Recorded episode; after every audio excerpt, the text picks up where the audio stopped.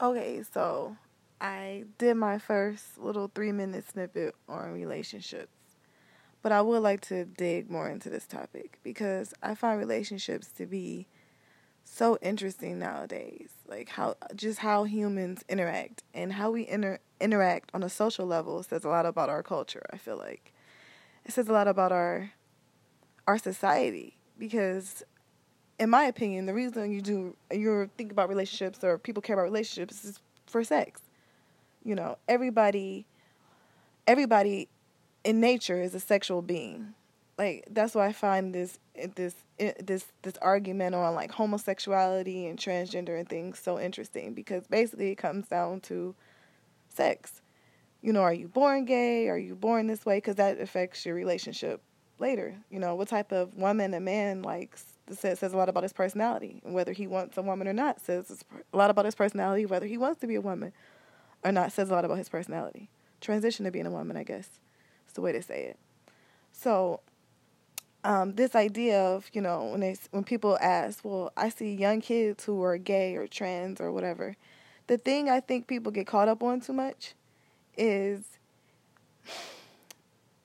if if they're like that now, because I would argue that kids don't know who they like yet. At six and seven, I don't think we're thinking about having sex yet, at all. Unless if if they are, usually as I think that shows some trauma or abuse or something that's going on. But the thing is, we know eventually those kids will grow into adults um, who will eventually engage in sex. And I think people get that confused with a lot of stuff. But I digress.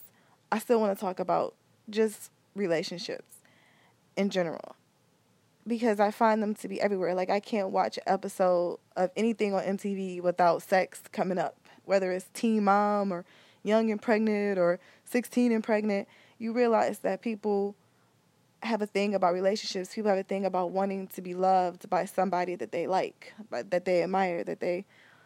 But I feel like like a, uh, it's hard for this generation, or maybe I shouldn't use the word hard. I should say it's different for this generation, because relationships are so interesting now. Because a lot of times people have more relationships with their devices than they might with a human, and I, I and we can get caught up in things because I realize that with the Instagram and the Instagram culture, because Instagram is its own culture because it's just images. People really think they know you and know your vibes and vibrations from your Instagram. And, and if people are honest on there, you can get an accurate kind of understanding of somebody. But I, I don't know. I find find Instagram and Facebook and all that stuff when you meet somebody or you, you think you're connecting with somebody on those places, even if you're not being catfished, in a way – you kind of are being catfished because you have this fantasy version of somebody, even if it's their real picture that they're showing. They're not like pretending to be somebody else. They are themselves, and they're showing what they're doing. It's still like a more fancy, fantasy version of them. Like for instance, I started writing code. Right, I went to coding boot camp and everything, and I I've learned JavaScript, HTML, C- CSS. We mostly stuck in JavaScript though, that framework and things like that. Right. I'm still learning. But to a lot of people, I'm like the people from the social network because that's the only experience they have with coding. So they think that I'm like this super genius who knows all this shit already and these concepts already that I'm still learning. Like I can't I, I can put together like an app, but it'll take me a lot longer and the app might not have as many functions yet as like someone like Mark Zuckerberg who's been making apps or programming for X amount of years already. You know what I'm saying? So, you know, even if you put newbie though, people still get like this mystical version, this fantasy version of who you are, which is is interesting, right? Because I've posted pictures of me doing things that I only maybe have done once. Right? It's maybe something I've always wanted to do, but people just think that you're like this adventurous person and stuff all the time. And I tell people I'm actually pretty boring. I'm pretty boring. So, but if you look at my Instagram, I look like I'm this really interesting person that leaves the house all the time. And I don't. I spend a lot of time at home. I spend a lot of time home reading a lot of different articles and things like that. So, because I, I the reason I bring all this up because I've noticed I've connected with some people through Facebook, Instagram, never Twitter, not yet Twitter. I, I feel like I still can meet somebody. I really, I can reconnect with somebody on Twitter. Like most of the time, I've met the people in person at least once. But, you know, we really didn't talk that much in person. We later kind of talked via a device, via an app, something like that. And then we tried to like connect in real life and it was a disconnect. Like we did better through a device. As soon as we tried to break that that boundary of of you know technology when te- when technology was not involved, it was just a different story. And I feel like that's a big thing right now. I, when you look at everybody's Instagrams and things, they look like the world's best parents. They look like the biggest hustlers on the block. Like they have so many side hustles. They have so many things that they're doing. They're so interesting. Their mental health isn't a problem. And most of us are like emotionally unstable, I feel like, and we're acting like we're not. You know, and I think that's just where we are. And then in re- in relationships, instead of trying to understand that about each other, we're just looking for the quick fix now you know, okay, this person makes me feel good now or whatever. I don't know. Like I said, I was born in the 80s. I'm the last of the 80s babies. And because of the relationships that I've seen around me and the relationship that I am a product of, my mother and father, people expect me to have a different type of relationship, like view on relationships, right? And, and it's, it's, it's really hard because, you know, in the church, they tell you to do one thing. Women should act accordingly, women should do this, men should do this, men should be this way, and those are the men you should like, these are the girls you should like. And it, it, it, it's really frustrating because I think a lot of people are getting caught up in expectations, and it's causing people to be extremely um, miserable. So I don't know. And I brought all this up to say it was really interesting adding this app and like putting all my information in because they asked what category I wanted to put this under. And I said comedy because this shit to me is hilarious. It's like, I think people now are either the most honest they've ever been or the biggest liars they've ever been. And it's, and, and it's comedy in that.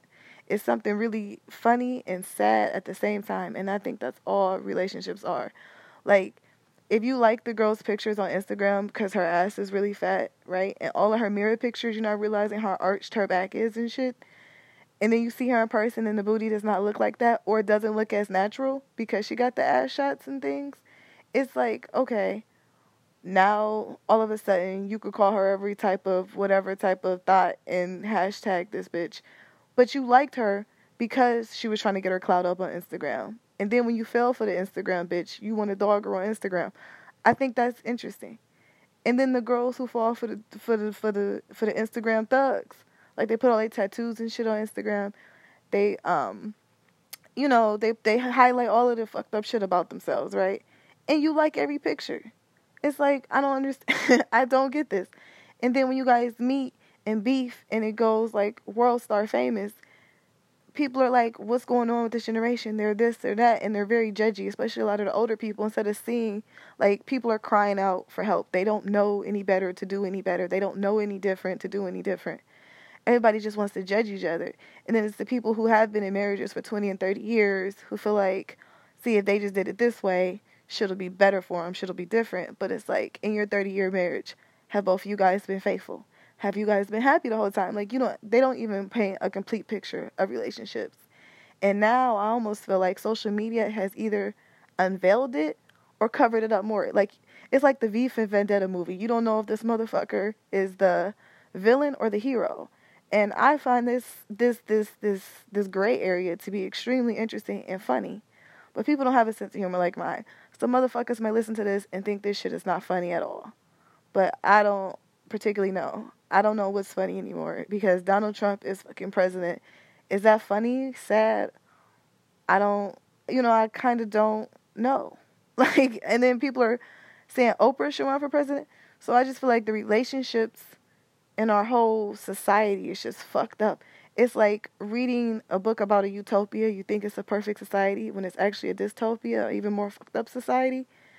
And it's been going on in America for a long time and people just now noticing it. It's like just noticing like your partner has like foul body odor all of a sudden when you've been with the motherfucker for 20 years. But now that he's done something that, or she's done something that you really just hate, you want to bring up the body odor. It's like you didn't mind the musty shoes and musty underarms for 20 fucking years, but now all of a sudden it bothers you because he lost your house to gambling. But you thought you can keep the shit in check or she got, you know, or some OJ and Nicole Simpson type shit. You knew the bitch was sucking dick. We heard the tape when you was like, when she, where OJ said, you know, you didn't care about the kids. You was up there sucking dick, right? You knew you married a hoe, and then want to get mad when she do whole shit. So I, I don't know. My whole take on relationships now is just really complicated. I'll keep bringing this up. I think the Erykah Badu setup is beautiful, but it takes mature people to have a family like that and, and people who love certain type of energy. And I don't know if everybody has that. I don't know. I think I might continue to do these podcasts like this. I don't know how long they should be. I feel like they should be like short, like a Snapchat or Instagram type video. I don't know. Maybe if you guys, if anybody listens to any of them, I'll get my my twin sister to come on it. People think we're really interesting together. Some people think we're funny. Some people think we're annoying. Some people think all the above. And I think that would make for an interesting podcast. So let me know what you guys think. If you think they should be longer, send me a comment. If you'd like to hear my sister and I on here one day together, let me know. I think this is fun. I have a lot of random thoughts, so I might keep this podcast shit up or this snippet of podcast, whatever. Wendy Williams had me really inspired today. I was watching one of her hot topic segments, and she said we need a whole station for just talk, and I think that's dope, like a whole network. So let me know.